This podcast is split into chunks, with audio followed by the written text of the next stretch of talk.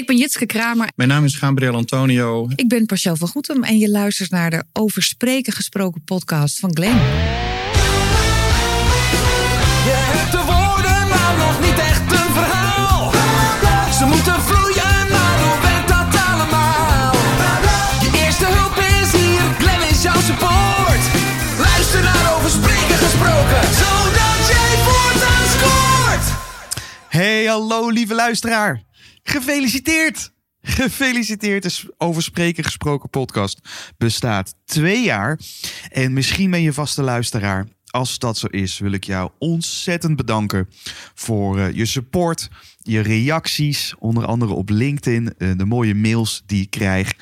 Ehm, en en ja, de tijd die je spendeert om aan je eigen ontwikkeling te werken. Om, om zelf een eh, betere spreker, slash luisteraar, slash beïnvloeder te worden.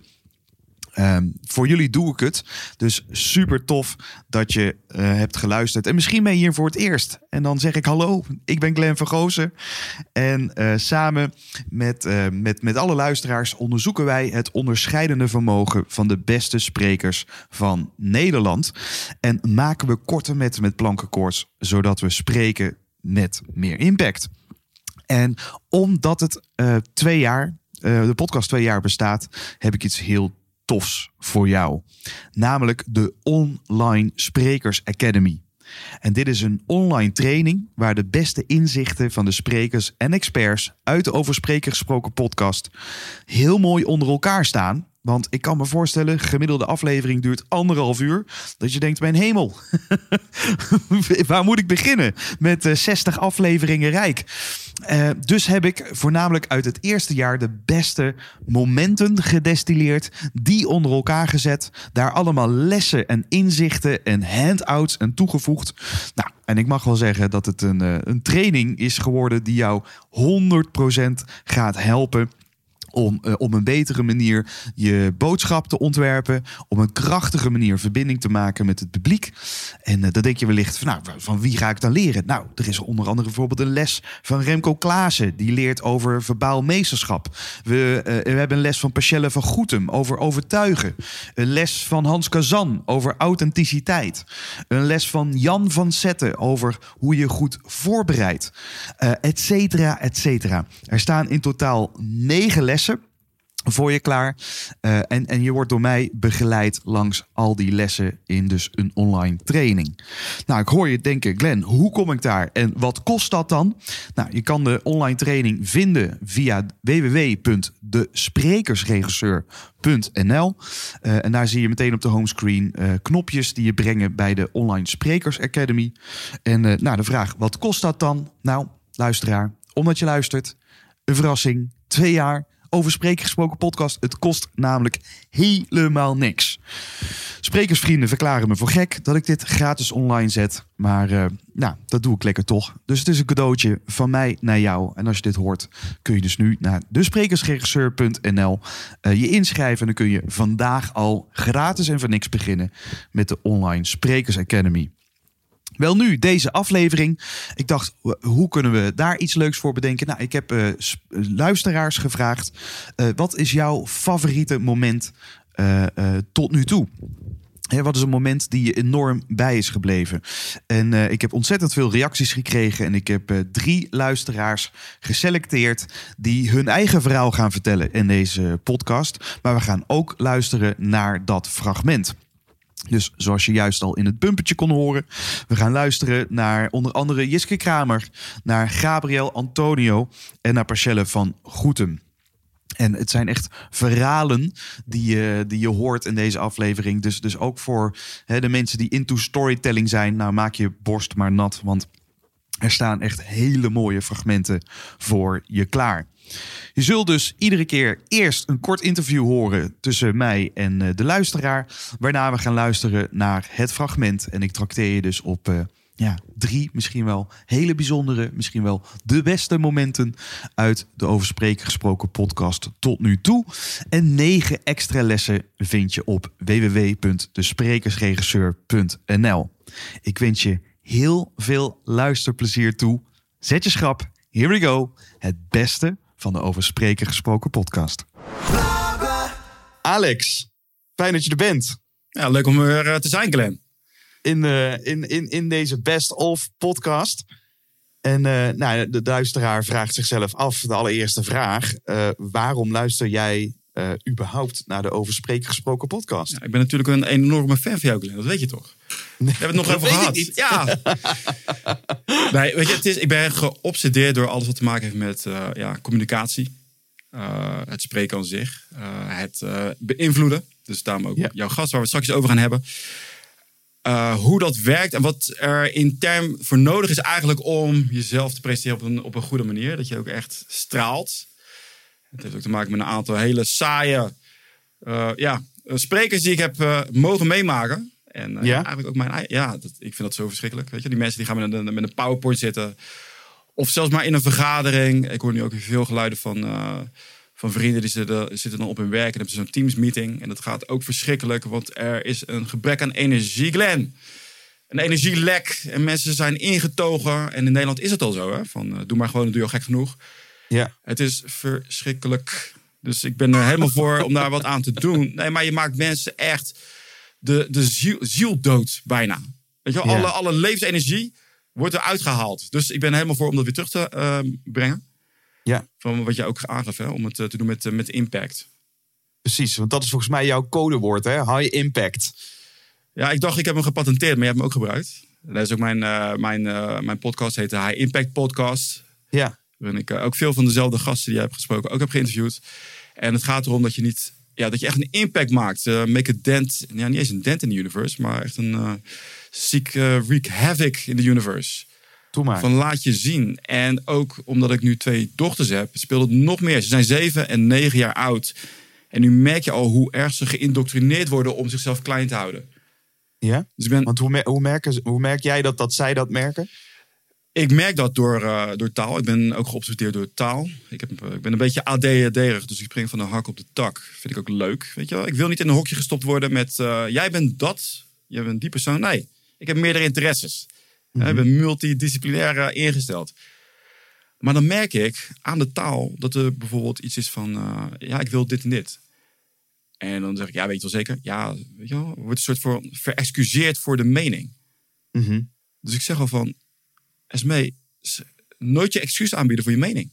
Bied je excuus aan als je bijvoorbeeld een fout maakt of je, je, je, je stoot tegen iemand aan. Maar niet omdat jij iets wil of vindt. Mhm. Dat is belangrijk. Want wat, wat, vind jij, wat vind jij daarin belangrijk? In de, ook dat, in je zelf niet, naar je dat, je, dat je zelf niet verexcuseert voor wie jij bent, voor wat jouw mening is. Als jij iets wil, ja. dan mag dat. En iemand anders kan nee zeggen, maar ga niet zelf al van tevoren jezelf naar beneden halen. ja. Ik merk dat in mijn, mijn podcast, als ik praat met gasten, ook al, Mhm. dat ze zichzelf gigantisch naar beneden halen. Ook al zijn het verkoopexperts, beïnvloedingsexperts. De top. Dat ik nu zelfs van tevoren aangeef van. eh, ik weet dat in Nederland is het wel gewoon om jezelf wat naar beneden te halen, maar wees enthousiast. Gelukkig heeft Ja. niet iedereen dat, maar veel wel. Ja, dus wat Het je ziet is dat heel veel mensen... eh, dus eigenlijk... Ja, je steekt je kop niet boven het maaiveld uit. Eh, Ja. Je, je, ja, je wil niet over jezelf opscheppen. Hè. Opschepperig gedrag wordt vaak niet gezien als iets heel positiefs. Nu hoeven we dat ook niet per se te doen. Maar ik hoor je wel zeggen, nee heb je en ja kun je krijgen. Maar dat vraagt dus wel van jezelf een enthousiasme in wat je Om doet, even, het- even het bruggetje te maken. Nou, dat is het, dat is niet eens. Het is, het, eh, puur, het is puur angst.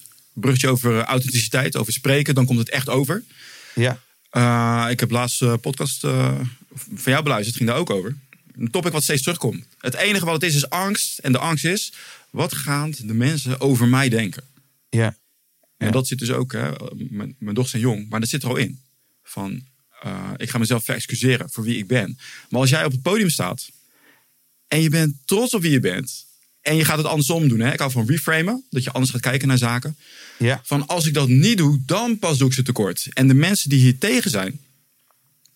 Hé, hey, luister, die hebben een probleem. Niet ik. Zij hebben een gemis. Dus je moet heel anders nakijken, gaan kijken. Als je dat doet, dan hoef je op het podium niet te gaan hebben over... ik moet mijn angst overwinnen. ja, Dan wordt het verhaal... ik ga kijken of ik al die mensen die daar zo zitten met gekruiste armen... hoe ik hen, de meest Norse kijker... in mijn verhaal kan zuigen...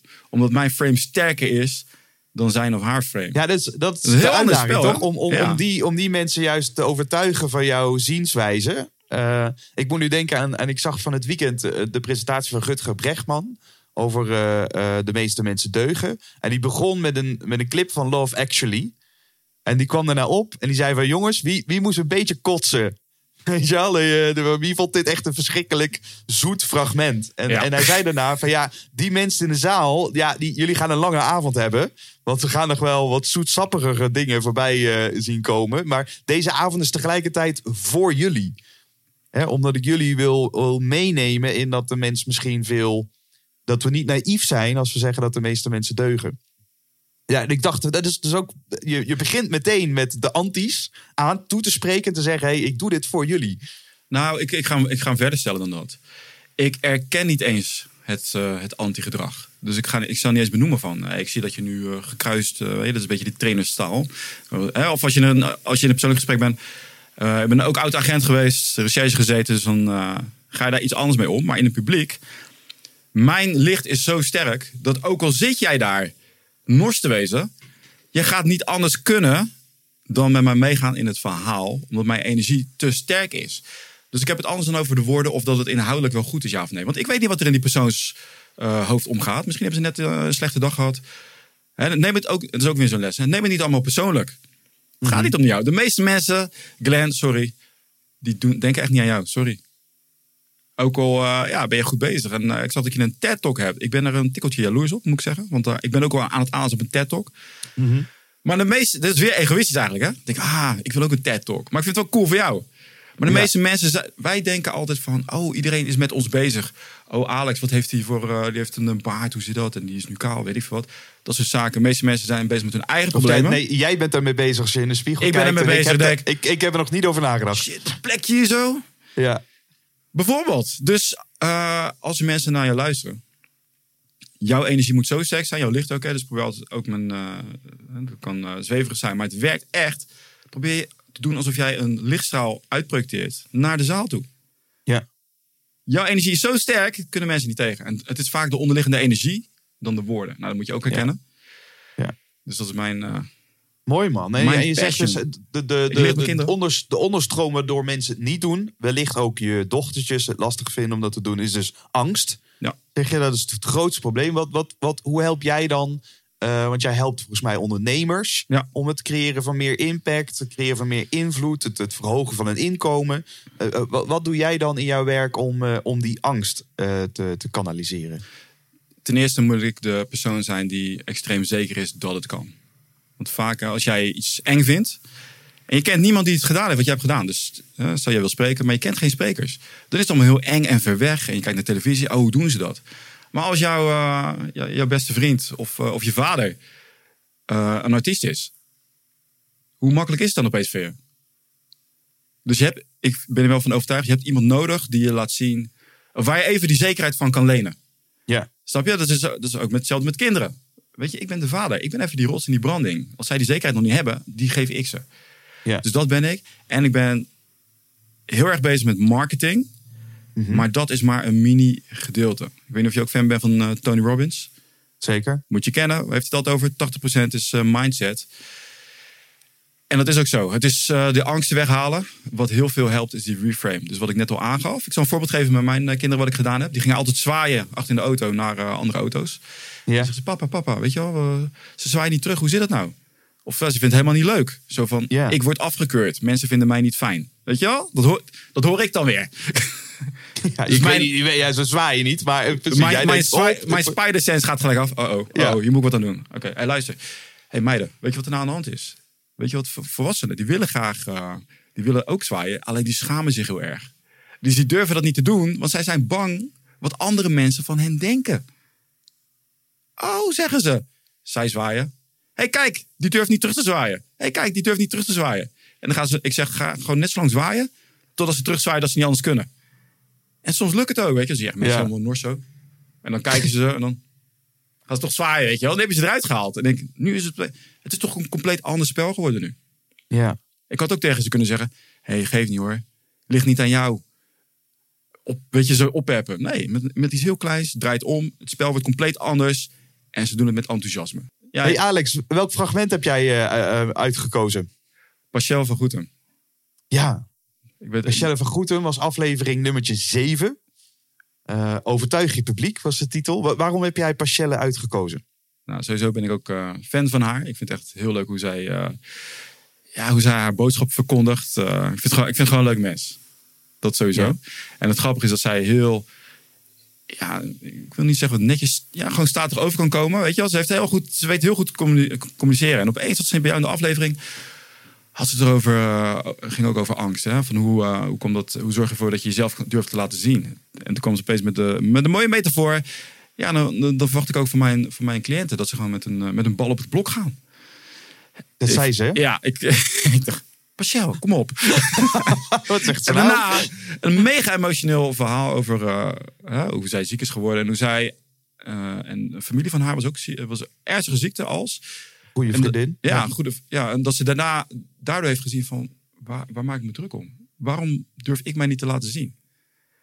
En dat is vaak de katalysator bij veel mensen. Van dat er iets ergs moet gebeuren. En dan pas zie je in van, waar maakte ik me druk om? Ja. Dus die, eh, die combinatie vond ik heel leuk. Van wel echt zo heel bazaal. Paf, en dan opeens diepe emotie erin. Nou ja, emoties maken verhalen. Dus dat bleef hangen. Dus jij dat Ja. vroeg, ik moest daar gelijk aan denken. En het, eh, emoties maken verhalen. Ja. Je zegt eigenlijk nu in, in je introductie al een paar hele mooie dingen. Emoties maken verhalen. Dus daarmee, ja, zij wordt ineens zo persoonlijk. Dat raakt dus. En, en je zegt, ik wil eigenlijk jouw hele betoog van, van dit interview is, is hè, durf, durf die authentieke zelf te zijn. Durf te shinen. Hè, schijn je licht zo sterk naar dat publiek dat, ze wel, dat er wel iets moet gebeuren. Eh, ja, en dat, en, dat, en dat zegt zij, eh, dat benoemt zij dus ook met, eh, met je ballen op het blok. Dankjewel voor die toevoeging. En als mensen meer over jou willen weten, nou, je hebt, je hebt al vijf jaar, dat is echt al een hele tijd, de High Impact Podcast. Eh, eh, Google het, zoek het op Spotify. Je bent volgens mij gewoon overal te vinden, YouTube-video's. Eh, High Impact Podcast. Alex, dankjewel voor deze bijdrage. Jij ook dankjewel en eh, bedankt voor je show. Het gaat niet zozeer over hoe, eh, hoe zet je een andere neus op. Want dat weet je ook. Weet je, we gaan naar colleges van hoogleraren met geweldige verhalen. Niet met de man of de vrouw die de, de schoenen het best gepoetst heeft. Nee. We gaan naar mensen die, eh, die een fantastisch, echt en mooi verhaal en eh, die iets weten. En, eh, en daar gaat het uiteindelijk om. Dus niet degene die naar perfectie streeft, maar degene die struikelt, maar daar echt goud komt brengen. Dat is eigenlijk. En dat inzicht is zo cool. En eh, Ik zie ook glimlachen ja, dat terwijl dat je erover praat. Dat, en Want wat raakt jou dan in dit? Ik zie dat het iets met je doet. Wat, wat is dat dan? Nou, het is meteen heel, heel eh, persoonlijk. Ehm, ik heb zelf, ik ben nu al twintig jaar zeker met onderzoek bezig. En ik heb altijd gedacht, ik sta op podia en dat vind ik waanzinnig gaaf. Ehm, en wat mij daaraan ontroert is eigenlijk, ik ben een paar jaar geleden ziek geworden. En het gaat nu goed, ik ben helemaal beter, het is helemaal goed. Eh, maar dat heeft mij wel op mijn grondvesten doen trillen. Want tot die tijd was ik alleen maar met onderzoek bezig. Mhm. En ik dacht, ook als ik op een podium stond of iemand kwam bij mij, ik dacht, ja, maar wat ik ervan vind persoonlijk, of wie ik ben persoonlijk, doet er helemaal niet toe. Want ik doe onderzoek. En waar iemand iets aan heeft, is dat ik de resultaten van mijn onderzoek doorpaas naar deze groep. Weet je wel? Dus ja, hoe cares wie ik ben, wat ik er enzovoort. Hè? Dat vond ik ook echt oprecht. Hè? Zoals ook het onderzoek eh, is amoreel. Het gaat er niet om of ik Donald Trump aardig vind. Maar wat doet deze man dat 60 miljoen Amerikanen op hem stemmen? Ja. Eh, wat maakt dat eh, Elon Musk eh, zo succesvol is? Ja. Wat maakt, doet Theresa May? Wat doet Christine Lagarde zo goed? Of wat kan ze? Enzovoort. Deze Cortez die nu op, hè, die Ocasio-Cortez die nu opkomt. Wat doen zij? Enzovoort. Nou, dat is waanzinnig. Maar ik zelf persoonlijk niet. Nou, en toen werd ik ziek. En nu denk ik, en ik ben zo blij dat ik gewoon leef, hè, dus het gaat hartstikke goed. En ik denk, second lease, ik, eh, ik wil geen tijd meer vermorsen. En natuurlijk doe ik er toe. Want als ik zelf iemand vraag in coaching of bij mij in een masterclass, zeg: Oké, en nu met je ballen op het blok, wat moet jij melden? Ja. Eh, dan vraag ik van hen echt volle inzet. En ik kan gewoon niet achterblijven. Ik moet er gewoon vol, vol in. Dus daar ben ik nu eh, eh, meer mee bezig. Eh, dat, eh, en daarom ontroert het mij dus ook. Ja. Dat ik denk, ik durf nu veel meer alle drie de stijlen te laten zien. Niet alleen maar aardig en autoriteit, maar wie ben ik dan en wat maakt mij dan bijzonder? En, Het is eigenlijk heel mooi dat je dus die, dat wat jij al jarenlang andere mensen leert, heb je nu nog meer geïnternaliseerd. ja, absoluut. En, en dankjewel voor het delen natuurlijk. ehm, dat je best wel een heftige periode achter de rug hebt, een paar jaar geleden. Wat maakt dan. ehm, want dus, ik voel deze vraag, maar ik vind het wel ook wel moeilijk om te stellen. Ja, Wat maakt dan dat jij een, een zeer ernstige ziekte eh, nodig hebt gehad, als het ware, om die overtuiging over jezelf te doen veranderen? Ja, dit is, god wat geweldig, Glenn. Ehm, in 2011, dat realiseer ik mij nu. Ehm, in 2011 werd mijn nichtje Karen ziek. En Karen had ALS. En je kent ALS vast. Schrikkelijke ziekte. Vreselijke ziekte. Ja. Zij was toen 39. En ik kom uit een heel groot gezin. Of dat, nee, het is echt niet goed. Mijn ouders komen allebei uit grote gezinnen. Dus ik heb grote familie. heel veel neven en nichten. Ja. En ik kende Karen eigenlijk niet eens zo goed. Maar ik hoorde van mijn moeder... Karen heeft ALS diagnose gekregen. En ik wist vanuit mijn studie... ik dacht, oh, dat is echt ongeveer de ergste diagnose die je kan krijgen. Ja. Toen heb ik haar gemaild, want ik woon in Haarlem... en ik zei in Amsterdam, ik dacht, nou ja, ik woon om de hoek. Als ik iets kan doen... Nou, en eh, de gemiddelde diagnose... of de gemiddelde levensverwachting bij ALS... na diagnose is 7 tot 10 jaar. In haar geval zeven maanden. Wauw.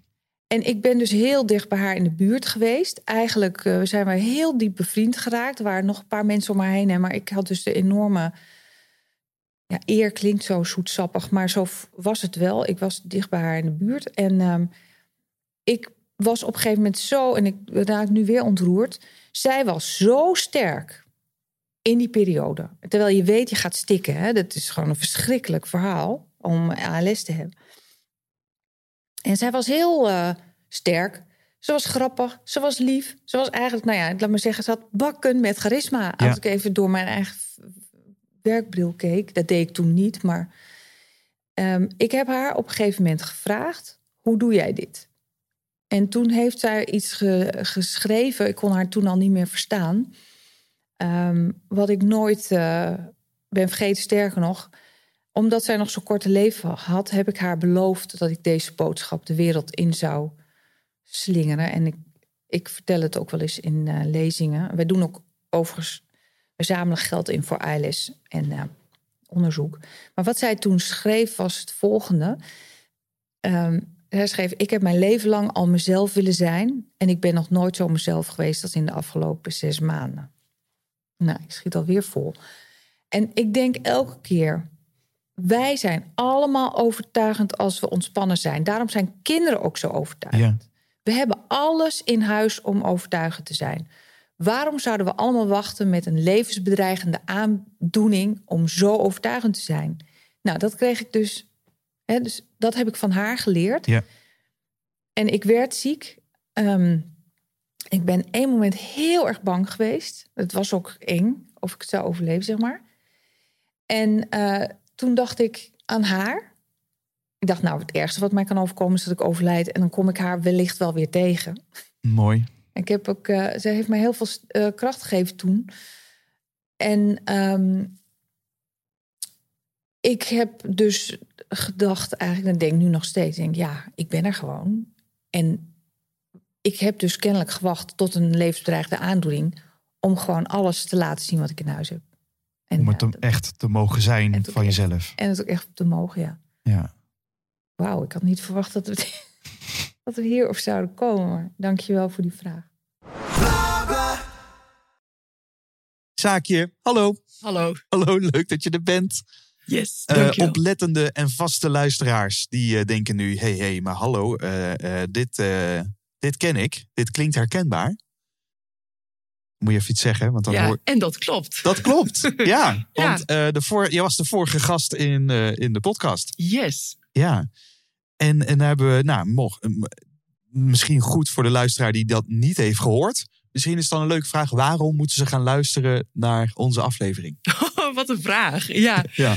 Nou, ehm, Nou ja, ik denk dat, dat voor de mensen die, die zelf ook wel eens een beetje, zeg maar, aanrommelen, aanklooien, een beetje een soort struikelend vooruitgaan. Ja? eh, dat het dan wel eens heel interessant zou kunnen zijn. Eén ding wat je er in ieder geval uithaalt, is mocht je denken dat je niet de enige bent. Ah, ja, dat is wel vaak heel bevrijdend. Hè? Ja, je bent niet de Ja. enige die het spannend vindt. Ja, Ja. Nou, dus de- de- ik vind het een mooie uitnodiging. mooi. En, en, en eh, nou, het klinkt een beetje, ik, als ik het zou aanraden, zeg ik, eh, wij van WC Eend presenteren WC Eend. Kijk, Eh, maar als ik dan toch even WC Eend mag aanbevelen, ik, vind het, ik vond het echt een superleuk gesprek. Eh, en dat komt door jou. Dus, dus ik, ik, ik gun je, eh, luisteraar, ga even de vorige podcast aflevering luisteren. Dan, dan leer je over de kracht van kwetsbaarheid, over falen en, eh, en waarom dat, dat belangrijk is. En, en dat, de, dat het allemaal maar een zoektocht is. ja, En dat het dat ook vooral mag zijn. hm, precies. Top. Ja. Nou, en nu ben je hier in de hoedanigheid als luisteraar van de podcast. Ja, Eh, en dan ben ik benieuwd, eh, hoe ben je bij de podcast terechtgekomen? Waarom ben je überhaupt gaan luisteren? Ja, nou dat, dat is via via gegaan. Ehm, ik had ergens, en dat was dan begin 2018, had ik zo'n fase dat ik veel lange wandelingen maakte. En op een gegeven moment dacht ik van, hoe leuk zou het zijn als ik dan ook naar een leuke podcast kan luisteren. En toen werd ik getipt eh, door Elke. Ja, volgens mij wel. Ja, Ja, elke Elke, wis. En eh, die had gereageerd op mijn post. En eh, zei, oh, je moet over spreken gesproken gaan luisteren. En toen dacht ik van, nou, hoe kan het dat ik dat gewoon niet ken? ja. En eh, toen ben ik gewoon keurig bij aflevering 1 begonnen.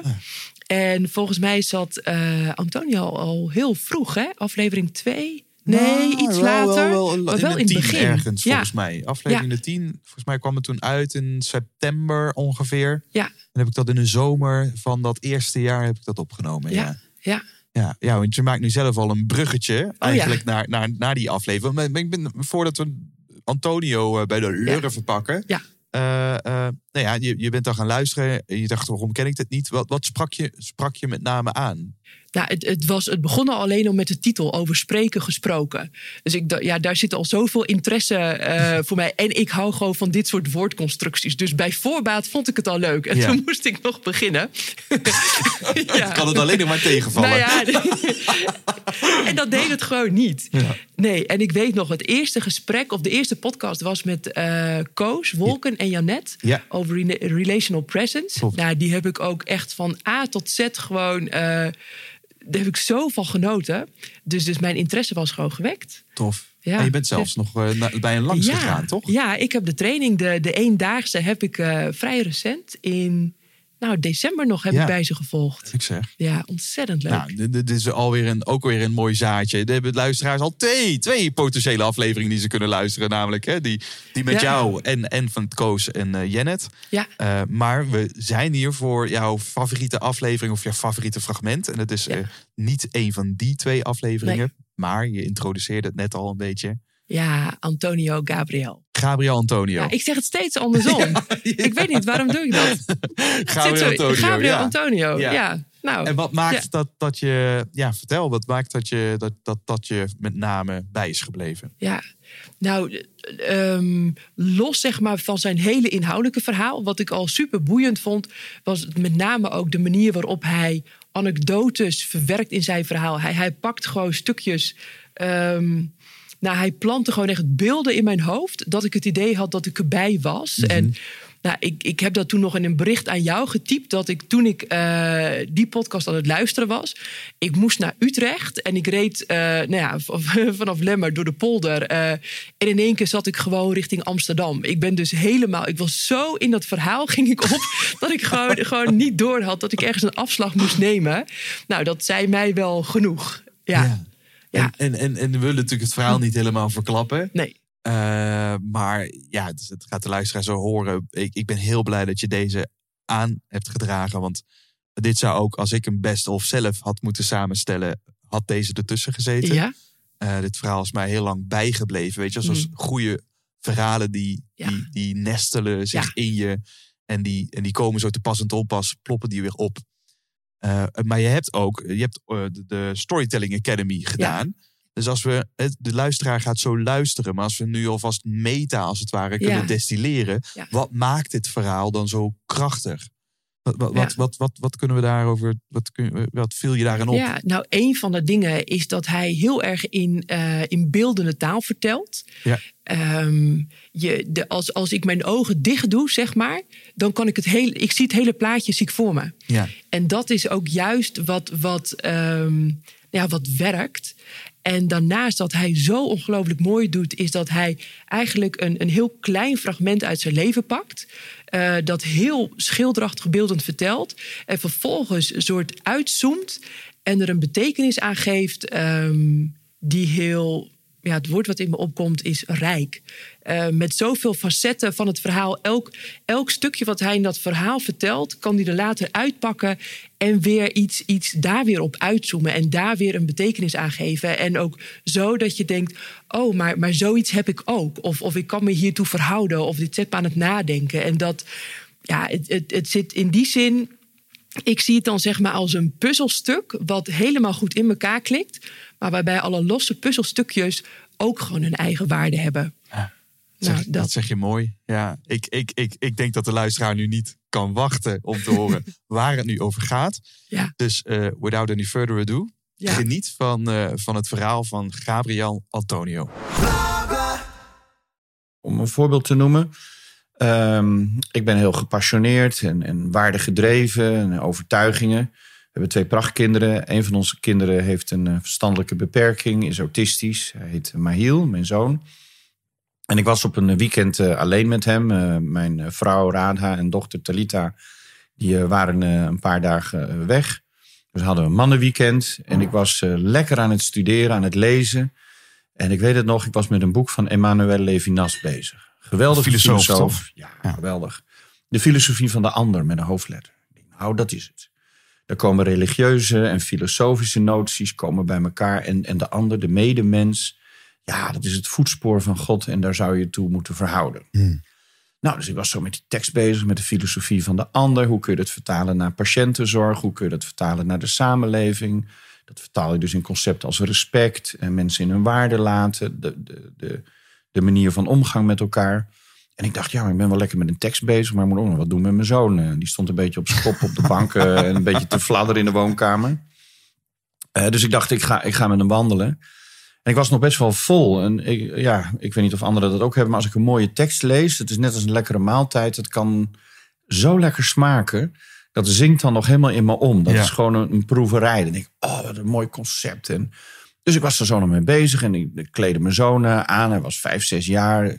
Een jasje aan en een sjaal om. En eh, nou, wat een gedoe, die laarzen. Nou, flink duwen op die knieën van hem. Plop, plop, twee laarzen aan. Ik mijn laarzen aan. Het was een beetje regenachtig. We woonden in Paterswold, in de kop van Drenthe. Bovenin. Eh, dus eh, wij gingen lekker in het bos wandelen in de buurt van ons huis. En, eh, en een van de waarden waar ik heel erg van overtuigd ben, hoe je als ouders met een kind met een handicap om kunt gaan, is eh, normaal. Doe zo normaal mogelijk. En daar zit ook de filosofie van de ander in. De ander respecteren en inclusief als medemens. Die persoon ook als vol aanzien. Ja. Dus, eh, maar wat gebeurt er tijdens dat wandelen? Mijn zoon begint achterstevoren te lopen. En ik dacht, ja, dat is niet normaal. Eh, dat kan toch niet zo zijn dat hij de rest van zijn leven straks, want ik maakte me zorgen, want hij was erg vasthoudend daarin, achterstevoren loopt. En ik dacht, ja, hij moet wel normaal doen. Ehm, en ik probeerde nog een beetje na te denken over, ja, misschien is een verleden voor het autist interessanter dan de toekomst.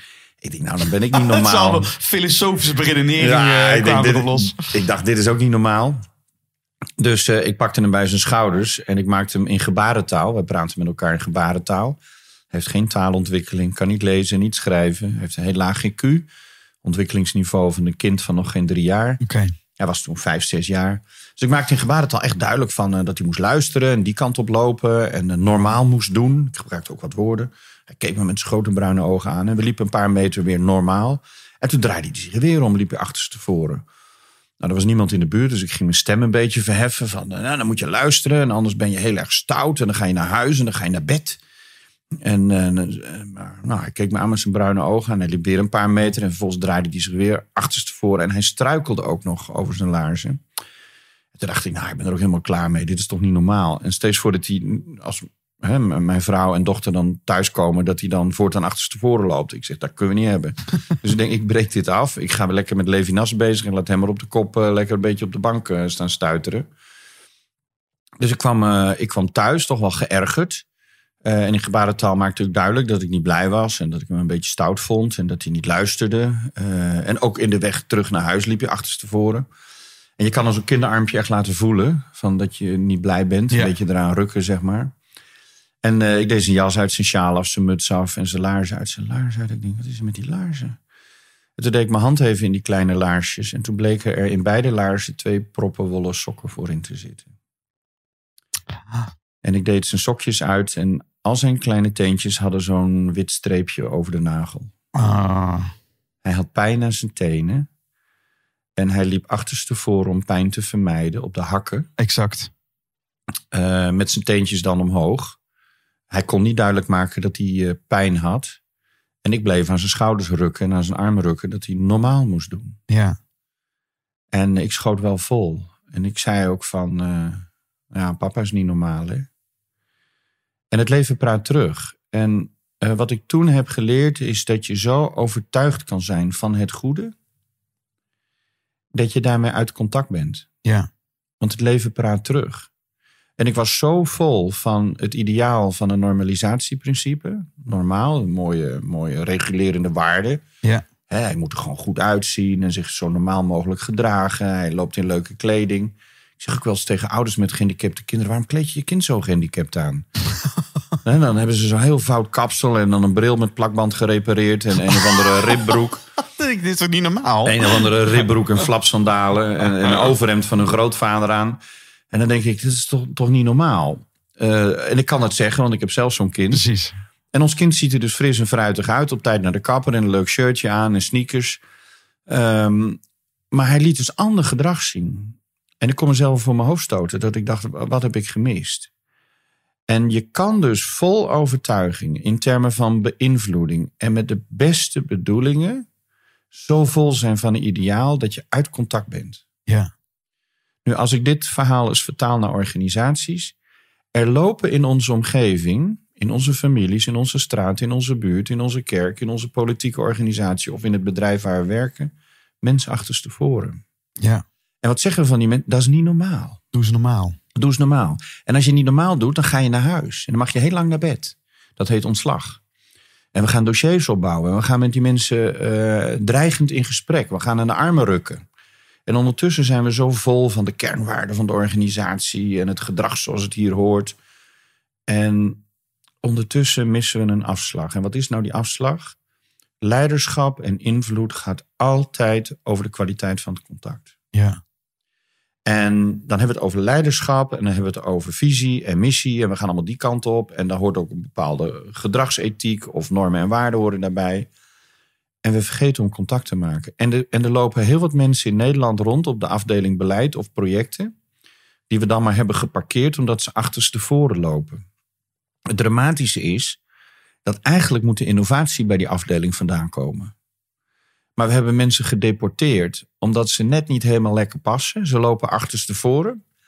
Nou, we durven ze dan nog net niet naar huis te sturen. En dan krijgen ze een aanstelling om dan nog maar een project of een beetje beleid te gaan doen eh, of dat soort dingen.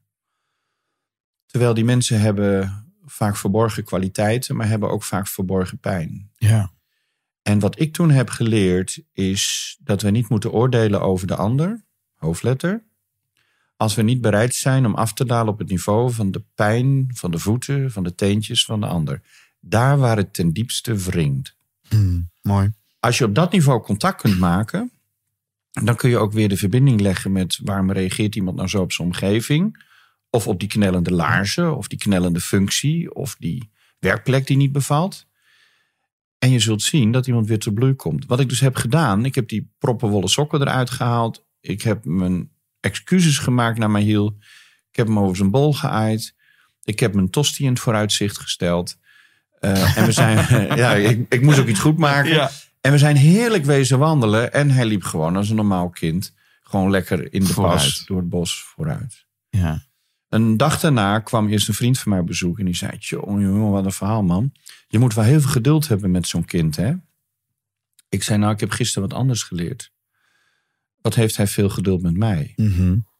Beste managers en leiders en professionals en beleidsmedewerkers, beste opvoeders, realiseer je dat jouw medewerkers, jouw kinderen, jouw collega's ook heel veel geduld hebben met jou. Want soms zucht je wel eens van, joh, joh, joh, moet ik met die kluivenduikeren de oorlog winnen? Dit is niet mijn winning team.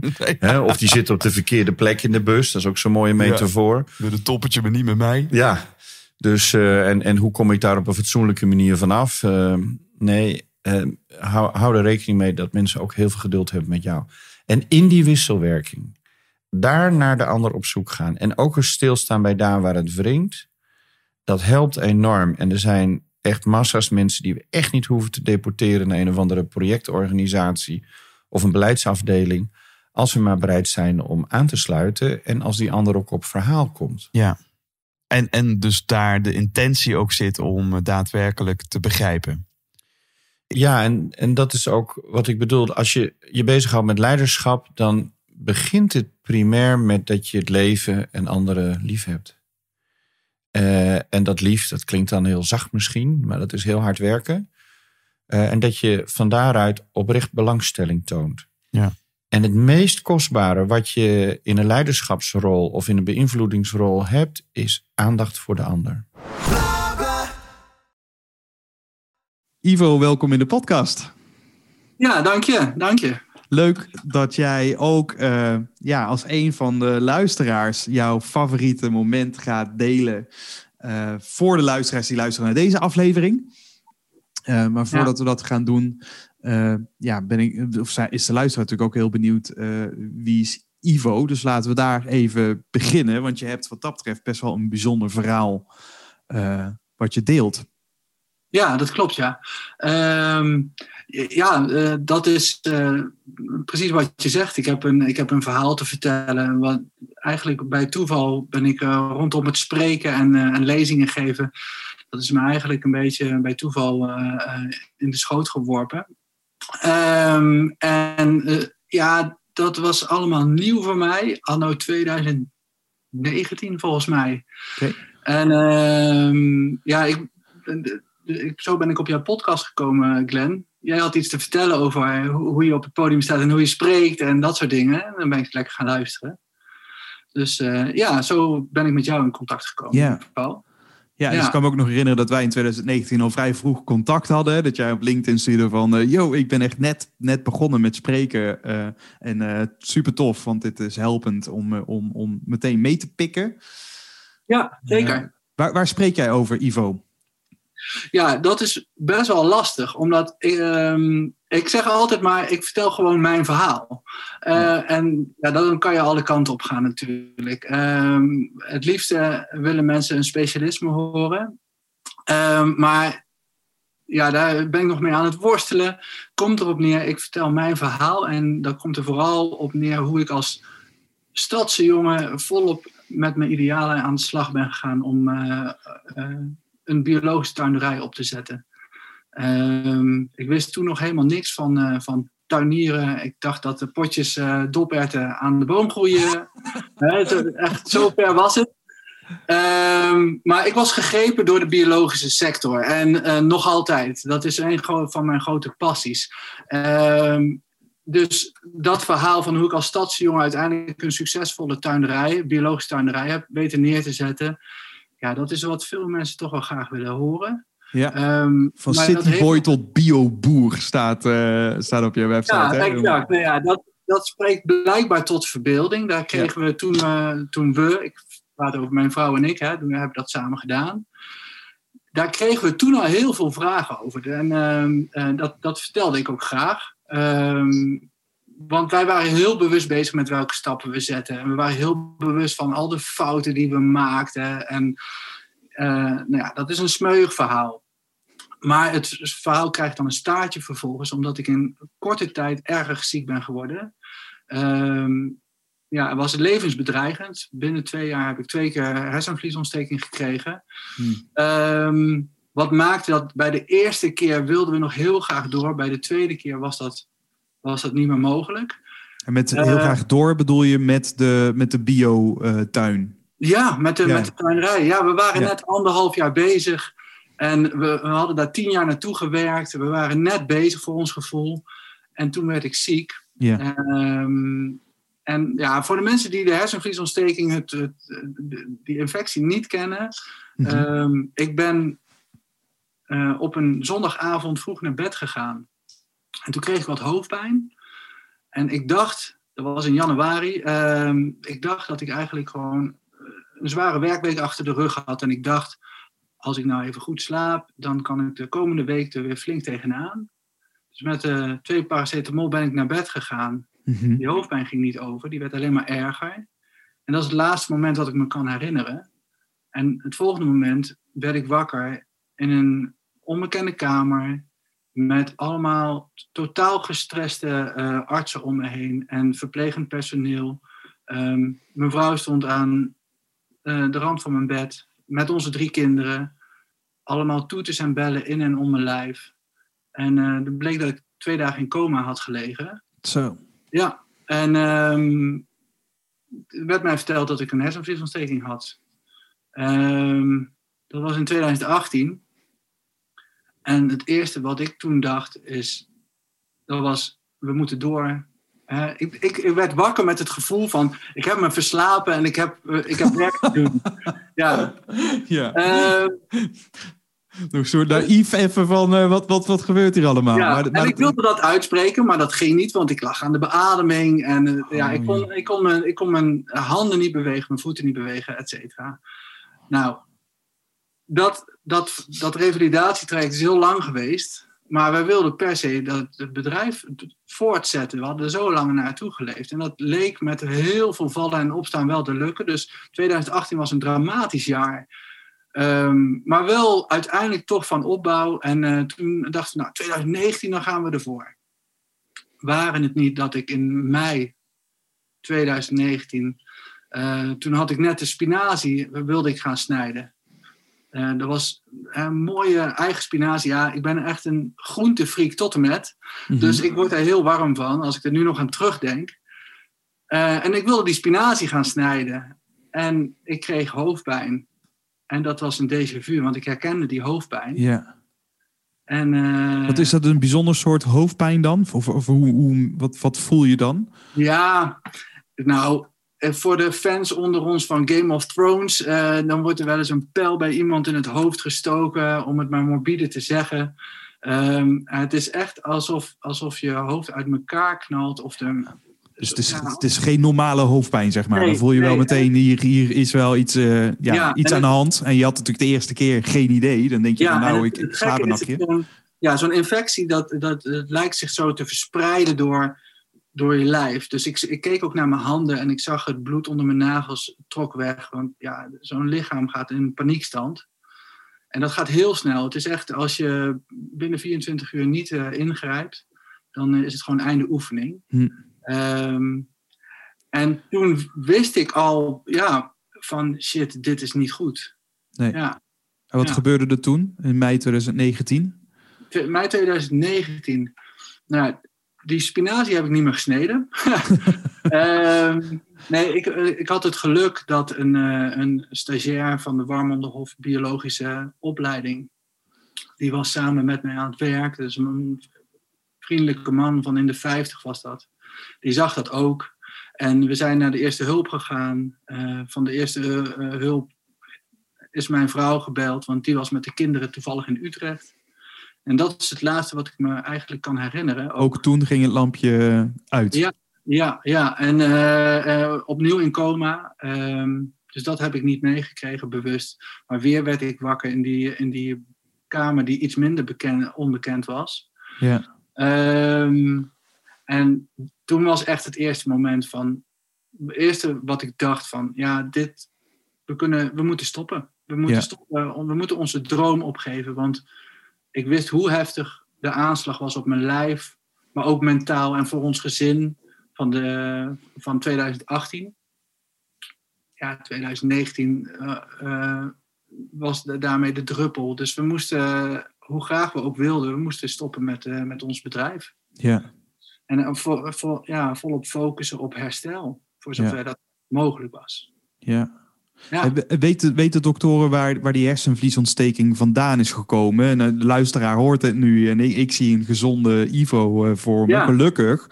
Maar ik kan Ja. me voorstellen, 2018 is het gebeurd, 2019 is het gebeurd. Eh, is, eh, ja, dus, dus vraag 1 is, waar komt het vandaan? En vraag 2 is, zit er bij jou een angst dat het weer, dat het weer opspeelt, eh, vroeg of laat? Nou ja, het verhaal om het.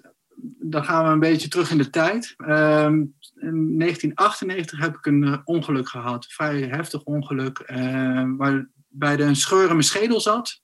Hmm. En ehm, toen in eh, 1998, ik was toen een mannetje van 16, hè, ehm, eh, moest ik eerst herstellen van, van het trauma, eh, van, het, eh, van de scheur in mijn schedel. En toen ging het van kwaad naar erger, want toen kreeg ik al een hersenvliesontsteking eroverheen. Omdat er dan een open verbinding is ehm, ja, naar het hersenvlies toe. Normaal zit het schedel daarvoor. Ehm, en uiteindelijk ben ik toen ook geopereerd aan mijn schedel, omdat die, die scheur moest dicht. Het, was, het risico was te groot om het lijf het zomaar op te laten lossen dat het zelf zou dichtgroeien. Ja. Ehm, dus toen had ik de eerste keer hersenvliesontsteking. Nou, uiteindelijk ben ik daar aan over geopereerd toen in 98. Twintig jaar lang is daar eigenlijk, heb ik daar geen last van gehad. 2018, tweede keer hersenvliesontsteking. Ehm, moest ik daar natuurlijk aan terugdenken. En mijn vader, die legde direct de link. Maar zij konden toen op de scan konden ze niks zien, maar uiteindelijk bleek dat er nog drie kleine scheurtjes in eh, overbleven, over waren gebleven. Dus uiteindelijk ben ik in september 2019 ben ik opnieuw geopereerd aan mijn schedel om die te dichten. ja. En ehm, eh, ja, eh, dat is een preventieve operatie geweest. Dus nu ben ik eigenlijk, heb ik net zoveel kans op een hersenvliesontsteking als één ieder. Ja. Gelukkig. Neemt niet weg dat ja, drie keer een hersenvliesontsteking, dat, ja, het is een soort Guinness Book of Records eh, record, waar je gewoon, die je niet op je, op je, op je naam wil hebben. Want het is, eh, ja, het is zeer ernstig, blijkbaar. Hoe gezond ik er nu ook ogenschijnlijk nu uitzie, hè? Ja. ja, het is dus eigenlijk dus een geluk, hoor ik je zeggen, dat, dat je hebt het dus in totaal drie keer meegemaakt. Voor het eerst op je zestiende. Daar is Ja. dus, daar is, eh, ja, heb je een erfenis aan overgehouden, waardoor het in 2018, 2019 weer misging. Ja, Maar Ja. het is door die operatie eind 2019 is dus de kans nu dat het nog een keer gebeurt heel klein. is niet heel. Ja. Ja, misschien. Ik ben echt op het naïeve af, ben ik heel optimistisch. Stiekem. en, en Stiekem ben jij gewoon een optimist die zegt van, "Joh, ik ben er nog. En, ik eh, ben er nog. Ja, en gaat ik, goed. ik- ja, ik had eerder, en daarin leg ik vaak de parallel ook met mijn lezingen van. In eerste instantie eh, wilde ik die tuinderij. Nou ja, als je morgen een tuinderij wil starten als stadsjongen, ja, dat gaat niet. Dus je moet. Ik heb op een bepaalde manier heb ik gewerkt aan mijn droom. En de parallellen met hoe ik heb gewerkt aan mijn herstel, ja, dat is eh, bijna eng. Hoe, hoe, hoe je dat naast elkaar kan leggen. Ja. Daar kan je heel veel van leren. Ja, dus eerst mijn handen weer bewegen, dan mijn voet weer bewegen. En dan langzaam eh, de eerste keer, eerste keer weer zelfstandig naar het toilet. Jeetje man. Ja. Ja, Ja, ja. Het, het is goed dat je dit erbij vermeldt, want dan krijgen we meteen een voorstelling van hoe zo'n integratie eh, moet zijn. Zo stapje voor stapje. Ja, Van cityboy tot bioboer tot, tot bioplant eh, haast. we hebben het over hoe, je, hoe ben je gaan spreken. Er wa- er is een korte documentaire gemaakt over deze situatie. Ja. En daar kreeg ik zoveel reacties op dat mensen vroegen van, goh, zou je dat verhaal niet een keertje willen komen vertellen? Hmm. En toen kreeg ik op een gegeven moment de vraag, zou je die niet een keer dit verhaal willen komen vertellen voor mensen met niet aangeboren hersenletsel? En wat vraag je daarvoor? en ik dacht, Huh? ja, ik zei, hè, doen mensen dit? Hè? Is, is dit een ding wat mensen doen? En, ehm, dus ik wist echt van niks. Ik was totaal een, eh, een groentje in het, eh, in het sprekersgebeuren. Dus toen ben ik me daarin gaan verdiepen. En toen dacht ik, potdikke me. Dus een hele wereld ging voor me open. Ja. En ehm, zo ben ik erin gerold. En eigenlijk ging dat heel snel. Het was eind 2019 ben ik gaan spreken. En ja, ik, voor ik het wist, wisten mensen mij te vinden en waren ge- geïnteresseerd in mijn verhaal. Wat En, Bijzonder. eh, ja, dat, dat was heel bijzonder. En voor mij was het heel eng. Hè? Ik was echt, ik was, ik, ik, niet, ik vond het niet eng om op het podium te staan, maar ik vond het heel eng om, ehm, met name het fysieke. Ik was bang om in te storten op het podium. Dat ik, dat ik de moeite, dat ik de, hè, de, de, de conditie er niet voor had. Hmm. Dus, Dus, het was vooral vertrouwen weer krijgen in je eigen kunnen, wat dan... ja, ja, het vertrouwen in mijn eigen lijf, eh, dat, eh, dat heb ik heel erg aan moeten wennen. Ja. En Nou, eh, ja, Mocht je dit interessant eh, vinden, luisteraar, dan, eh, dan kun je de documentaire, de mini-documentaire kijken. Ga naar eh, bietenrood.nl en dan zie je op de landingspage zie je Ivo het leven na 36. Eh, dat is de documentaire die, die over jouw leven is gemaakt. Hè? yes, ja. Dus eh, dat als je dat wil horen. En nu, nu willen we natuurlijk graag weten, als, als luisteraar van de podcast, wat, wat voor fragment ga jij met ons delen? Ja, ik wilde graag, toen je het vroeg, toen waren er meerdere die ik interessant vond, maar Jitske Kramer stond echt wel met stip op één. Ehm, aflevering 17. Ehm, het was anderhalf uur, was het geloof ik. En Ja. wat zij vertelt, hoe ze het vertelt, ehm, haar stemgeluid, alles. eh, Ik, was, ik werd helemaal meegezogen in, dat, eh, in die aflevering. En eh, ja, dat, dat vond ik fantastisch. Ja, inhoudelijk vond ik het bijzonder goed. Ja, Ja, want naar welk fragment gaan we specifiek luisteren? Nou, ik zou iedereen aanraden om natuurlijk die hele aflevering te luisteren. Maar eh, met name het stukje eh, waarin ze uitlegt hoe ze. eigenlijk gaat het over haar, haar connectie met, met de voodoo-rituelen die ze heeft eh, mede, ja, die ze heeft mogen ondergaan. Mhm. Ja, dat is geniaal. En wat sprak jou daar met name in aan, in dat eh, fragment? Ja. Ehm, ik vind, er is een stukje waarin ze vertelt over een ehm, geitje wat ze op schoot krijgt. Hoe ze dat vertelt, dat kleine stukje, dat mini-verhaaltje, dat vind ik technisch heel knap. Je, je zit naast haar, hoe ze dat vertelt. Dus dat Ja. vind ik heel mooi. Dat, dat, dat viel me eigenlijk op toen ik het later nog weer een keer luisterde. Ehm, dus dat is technisch gesproken, vond ik dat heel mooi haar stemgebruik, haar timing, et cetera. Ja, dus, Eh, dus, dus, dus los, van, los van de inhoudelijke eh, lessen die ze deelt, gaat Ja. jou ook echt over. Hey, ik zie hier een bekwaam spreker. eh, Die op een hele goede manier storytelling toepast en opbouw doet, stemtechnisch. Dat, dat, daar, daar werd jij er. Dat sprak jou voornamelijk aan. Ja, ja, en dat was Oh. eigenlijk met name toen ik het de tweede keer terugluisterde, dacht ik, ja, dit is, dit is gewoon een meester aan het werk. Nee, ja, dat is, Ja. zo ervaarde ik dat. Zo van hoe ze, hoe, hoe ze op een gegeven moment in het volume wat terugzakt, wat ze, dat ze even pauze neemt, eh, een geluidje maakt van het geitje. Het was, ik zat daar rondom het kampvuur met haar, hè? Ja. Dus Ja. dat, dat is, dat is sowieso. Maar inhoudelijk, wat zij zegt in dat stukje rondom voodoo, fantastisch. Het gaat heel erg over ja, grenzen opzoeken, over grenzen heen gaan. Mhm. Ehm, wanneer je op een point of no return komt, vind ik heel mooi. Ehm, ik denk dat het voor heel veel mensen ook herkenbaar is. Zeker als je. ehm, ik denk zeker iedereen nu 2020 achter de rug is, kan iedereen daarover meepraten. ja. Ehm, en wat zij bijvoorbeeld heel mooi zegt, en dan quote ik haar eventjes, is: In het vreemde ontmoet je vooral jezelf.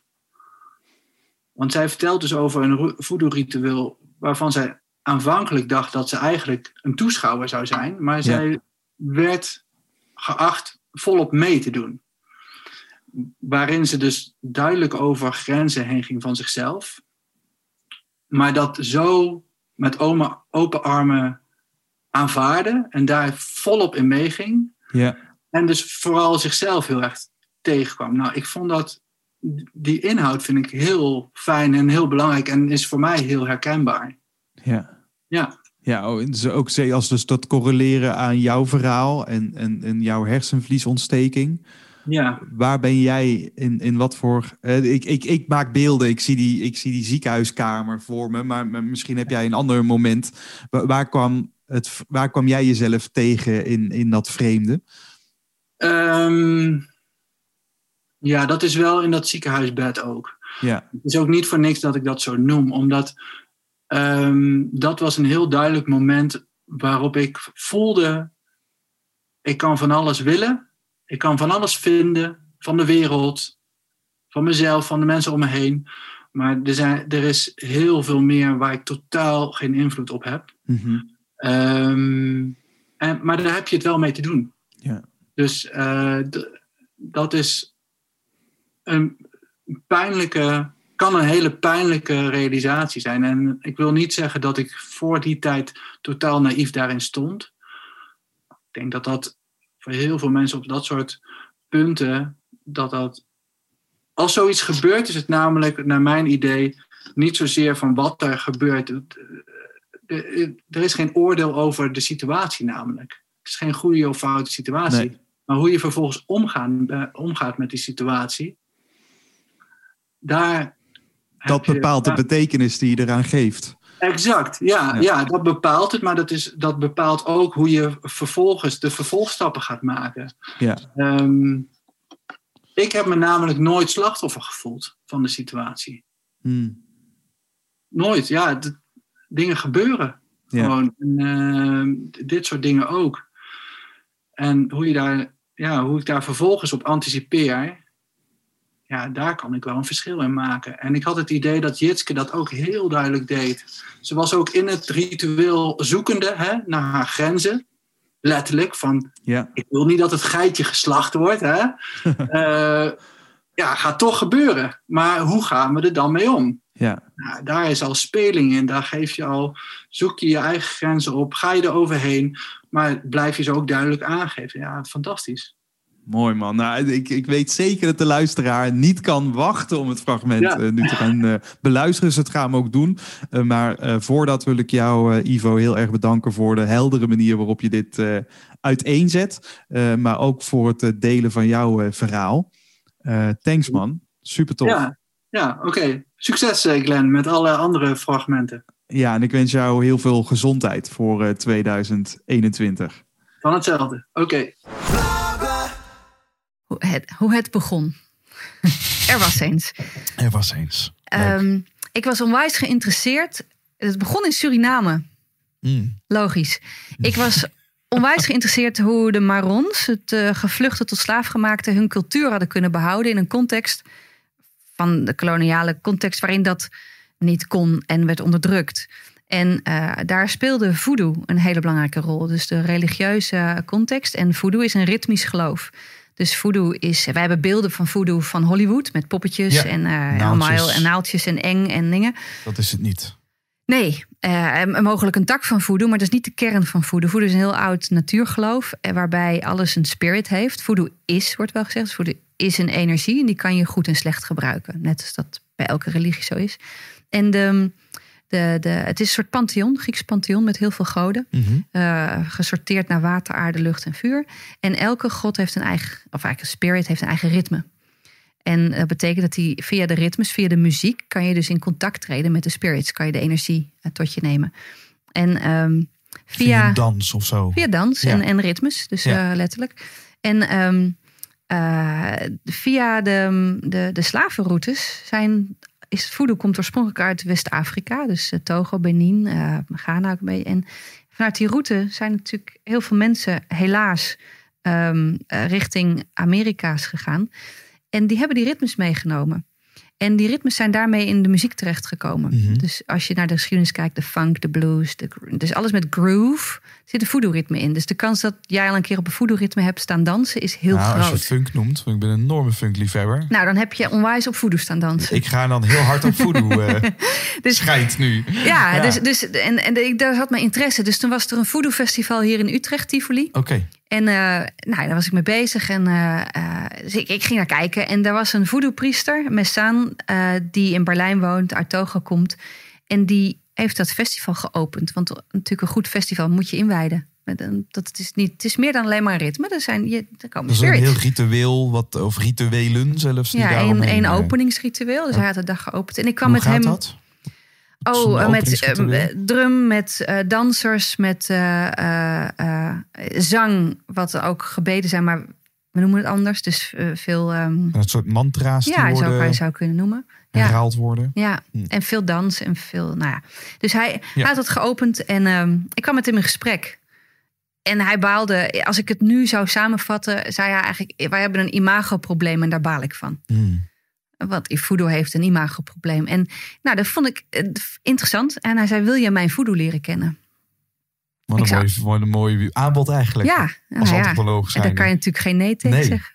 Dus ik ben gegaan. Het duurde nog even. Maar uiteindelijk ben ik afgelopen januari gegaan. Zonder echt doel. Althans, ik was niet bezig met een boek. Ik was niet bezig. Ik was, had een uitnodiging waar ik ja op wilde zeggen. En Ja. toen ben ik gegaan met fotograaf. En ehm, toen heb ik een week lang allerlei voodoo-rituelen mogen meemaken. En wat heel bijzonder is, ik dacht dat ik ging kijken, maar ik bleek eigenlijk, hij had zeven priesters gevraagd of ze voor mij eh voodoo-rituelen wilden doen, zodat ik echt kon begrijpen waar het over ging. En de kracht kon voelen en ervaren. Dus ik heb hele bijzondere rituelen meegemaakt. En opeens was ik ondergedompeld. Dus ik ging niet zozeer kijken, maar ik ging erin. En wat ik daar uiteindelijk mee heb gedaan, en dat is heel tof, wat we nu aan het doen zijn. ehm, daar is eh, heel veel bewegend. We gingen foto's nemen, maar er kwam ook beeldmateriaal bij, bewegend materiaal. Dus we hebben nu een mini-docu van 12 minuten gemaakt. Hmm. En het manuscript geschreven. Ik heb onwijs veel meegemaakt. En dat heb ik vertaald. Er, ko- komt een boek eh, rond eh voodoo uit. En ik heb een hele mooie lezing. Los van jam cultures nog. Los nog van ja, het is een, be- ja, een, bij, bijproject. Dus ja, Jam Cultures komt in juni uit. En dit zal, nou, heeft geen haast, ergens naar de zomer uitkomen. Ja. En, ehm, en dit gaat echt over ja, wel- welke, ehm, welke dilemma's kom je tegen op het moment dat je echt, echt, echt duikt in de wereld van een ander. En daarmee ook je eigen grens tegenkomt. Ja. En daar wel je eigen grens kan tegenkomen. Maar op dat moment, helaas, weet je, door. Je kunt, wie A zegt, moet B zeggen. Je kunt niet halverwege een ritueel zeggen... ik wil toch het geitje eigenlijk niet slachten. Dat kan niet. Nee? Nee, dan, dat is too late. Weet je? Dus, dus er zijn momenten waar je. Ja, da- dan zit je in een script, zit in, in iets en dan moet je door. En ook als je denkt, nou, ik vind nu eigenlijk. Ook wil, ben nu wel moe, wil nu eigenlijk wel naar bed of zo. Ja, nee, je, dat kan niet. Je moet nu door. Dus, en dat kennen we allemaal in organisaties. Dus je, ik zit in die organisatie, er worden op een bepaalde manier mensen ontslagen. Ja, je kunt stop zeggen. En sommige momenten, ja, ja je, niet op dat moment. Of je moet door. En hoe ga je Ja. met die grenzen om? Dus eh, je zegt, wat, ik- wat ik wel interessant vind, is dus, je hebt, je hebt, is dat, heeft dat te maken met voelen ook? Dat dus als, als je dus slecht nieuws brengt, breng dan ook slecht nieuws. Als je ja zegt, zeg ja of zeg nee, maar die, die, die duidelijkheid. Hoe verhoudt zich dat? Nou, dat is denk ik mijn vertaling daarvan. Ja. Maar wat ik, ehm, wat ik mooi vond om te merken is dat eh, eh, vanuit voeden wat ik ervan begrepen heb. Hè. Ik heb een weekje rondgelopen en het is een eeuwenoude religie. Dus ik, ik heb het vast niet goed begrepen. Ik heb vooral mezelf ontmoet. Je hebt in ieder geval wel, je hebt een week meer ervaring dan de gemiddelde luisteraar. Absoluut. En in die ervaringen ben ik, ja, in het vreemde ontmoet je vooral jezelf. Dat is wat hier gebeurt. Dus ik heb vooral heel veel gesprekken met mezelf gehad. Ik begreep helemaal niet wat er eigenlijk echt gebeurde. En vanuit daar ehm, heb ik conclusies getrokken. En wat ik vooral zie is dat je, dat je wil, je wil je het goede krijgen, moet je het slechte niet negeren. Ja. En ehm, wat mij heel erg opviel, ik had veel moeite met eh, dierenoffers. Ik wist dat het dierenoffers, eh, dat, dat weet ik, heb ik vaker gezien. Daar heb ik helemaal geen principiële bezwaren tegen. We hebben hier ook slachthuizen, vind ik wel wat van. Maar het gebeurt, weet je, Ja. prima. En al het vlees wordt opgegeten en nou, dan kun je van alles. Maar toen het opeens, toen ik in het ritueel zat en ik ehm, eh, na urenlang al in een bos geweest zijn, mezelf met kruidenwater gewassen, eh, onder de sterrenhemel, naakt, eh, in mijn eentje, om mijn zonde af te wassen. En dan vervolgens eh, in een grote chant-ritueel met veel drums ergens zitten. Het volgende ritueel in om te kijken wat mijn geboortehoroscoop was. Dat was mij te reinigen. Kreeg ik een geitje op schoot met de boodschap hou hem heel goed vast. En ik zat daar met alleen een doek om en het geitje op schoot. En om mijn buik tegen het buik van het geitje. En wij ademden samen en het geitje zei... En ik keek me met hele lieve oogjes aan. En dan weet je nog niet hoe lang het duurt. Maar ik heb uiteindelijk een uur met dat beestje op schoot gegeten. En dat je denkt, ik wil eigenlijk helemaal niet dat het geslacht wordt. Nee, je Alleen- je nu ineens met dat Omdat je dan zo dichtbij zit. En wat ik heel mooi vond en confronterend is dat je dan ja, echt wel meemaakt van wat, wat betekent dit nou eigenlijk? Niet meer terug kan. Al de oordelen over mezelf, over de situatie, over de wereld, over welke offers breng je eigenlijk in het leven, hoe lichtvoetig doe je dat eigenlijk vaak. Ehm, wat betekent dat ik dat er nu een levenswezen voor mij eh, doodgaat. Waarop de priester zei: Nee, het is niet voor jou, het is voor de goden. Dat je denkt: Nou ja, hoe egocentrisch kan je zijn? Weet je, dus alles wordt aangeraakt. Ik heb op een gegeven moment Is het nog te redden? Mijn spirits vinden dit heel ingewikkeld. En toen is er een soort time-out in het ritueel gelast. waarin de priesters met elkaar in gesprek gingen. of het geitje nog te redden was. Wat een en waar ik me weer schuldig over voelde, denk je, ben ik hier te gast? Ga ik een beetje moeilijk lopen doen over? Dus alles op zo'n moment komt dan samen. Ja. En dat de priester zei, nou ja, het is eigenlijk heel eenvoudig. Eh, we hebben nu zoveel spirits opgeroepen. Het geitje wordt voor de spirits geslacht, zodat de spirits kunnen drinken, want die hebben het bloed nodig.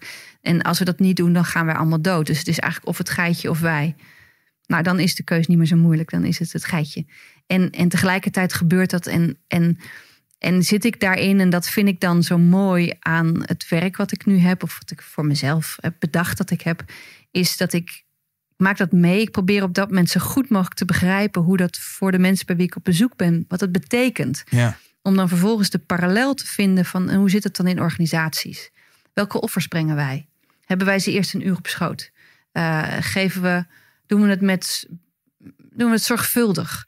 Ehm, Welke, welke eh, grenzen zoek je op? Welke grenzen kom je tegen? Hoe ga je daar eigenlijk mee om? Wanneer ga je over je grenzen? Wanneer trek je het eigenlijk weer terug? En, en wat, ik, wat ik probeer is die ervaringen dus door te vertalen. En dat via, in dit geval docu, boek en lezing, ehm, weer verder te brengen. Ja. En dat vind ik heel mooi eh, om vervolgens te begrijpen wat is voodoo echt, althans voor deze priester en zijn priesters en wat ik ervan begrijp en wat kan ik er vervolgens uit leren.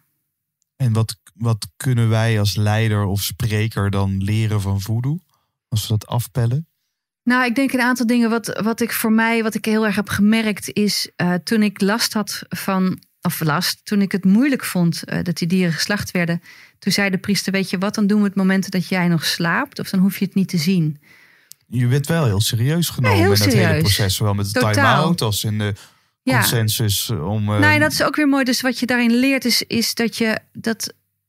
We, zo, ik moest proberen mij aan te passen. En de priesters ook. Ze wilden een goede gastheer zijn. Dus het zoeken naar dat je allebei je plek hebt, dat is inclusie. Ja. Dus samen, samen dansen. En ik was de gast, dus natuurlijk hebben zij de basisbeat. En, en zij waren ook aan het kijken, hoe maken we het voor jou goed? Want we willen jou een goede ervaring geven. En ehm, dus dat was een heel mooi proces. Dus wat kunnen leiders daarvan leren? Ja, hoe ga je om met, met anderen en mensen die een ander beeld hebben? En, en, eh, en daar het, het gesprek op, op zoeken. En ook standvastig zijn waar het niet kan. Weet je? Dus dat. En, ehm, en de andere is dat, omdat ik zo moeite had met, het, met zeg maar de, de, de, ja, de rauwe kant. ehm, gingen zij allemaal dingen bedenken dat ik de rauwe kant niet hoefde te zien. Ze wilden en- je in bescherming nemen. Ja, en, en die parallel, als ik dat vertaal naar hier, naar de samenleving, maar ook naar organisaties, denk ik, ja, wij zien, wij kijken veel te weinig de rauwe kant in de ogen. Dus het Instagram feel good filtertje erop. Of ehm, nou ja, er gebeuren slechte dingen in de organisatie, dat schotten we af. We leggen alles weg. En, en daardoor kijken we niet meer en zien we niet meer wat er nou eigenlijk echt gebeurt.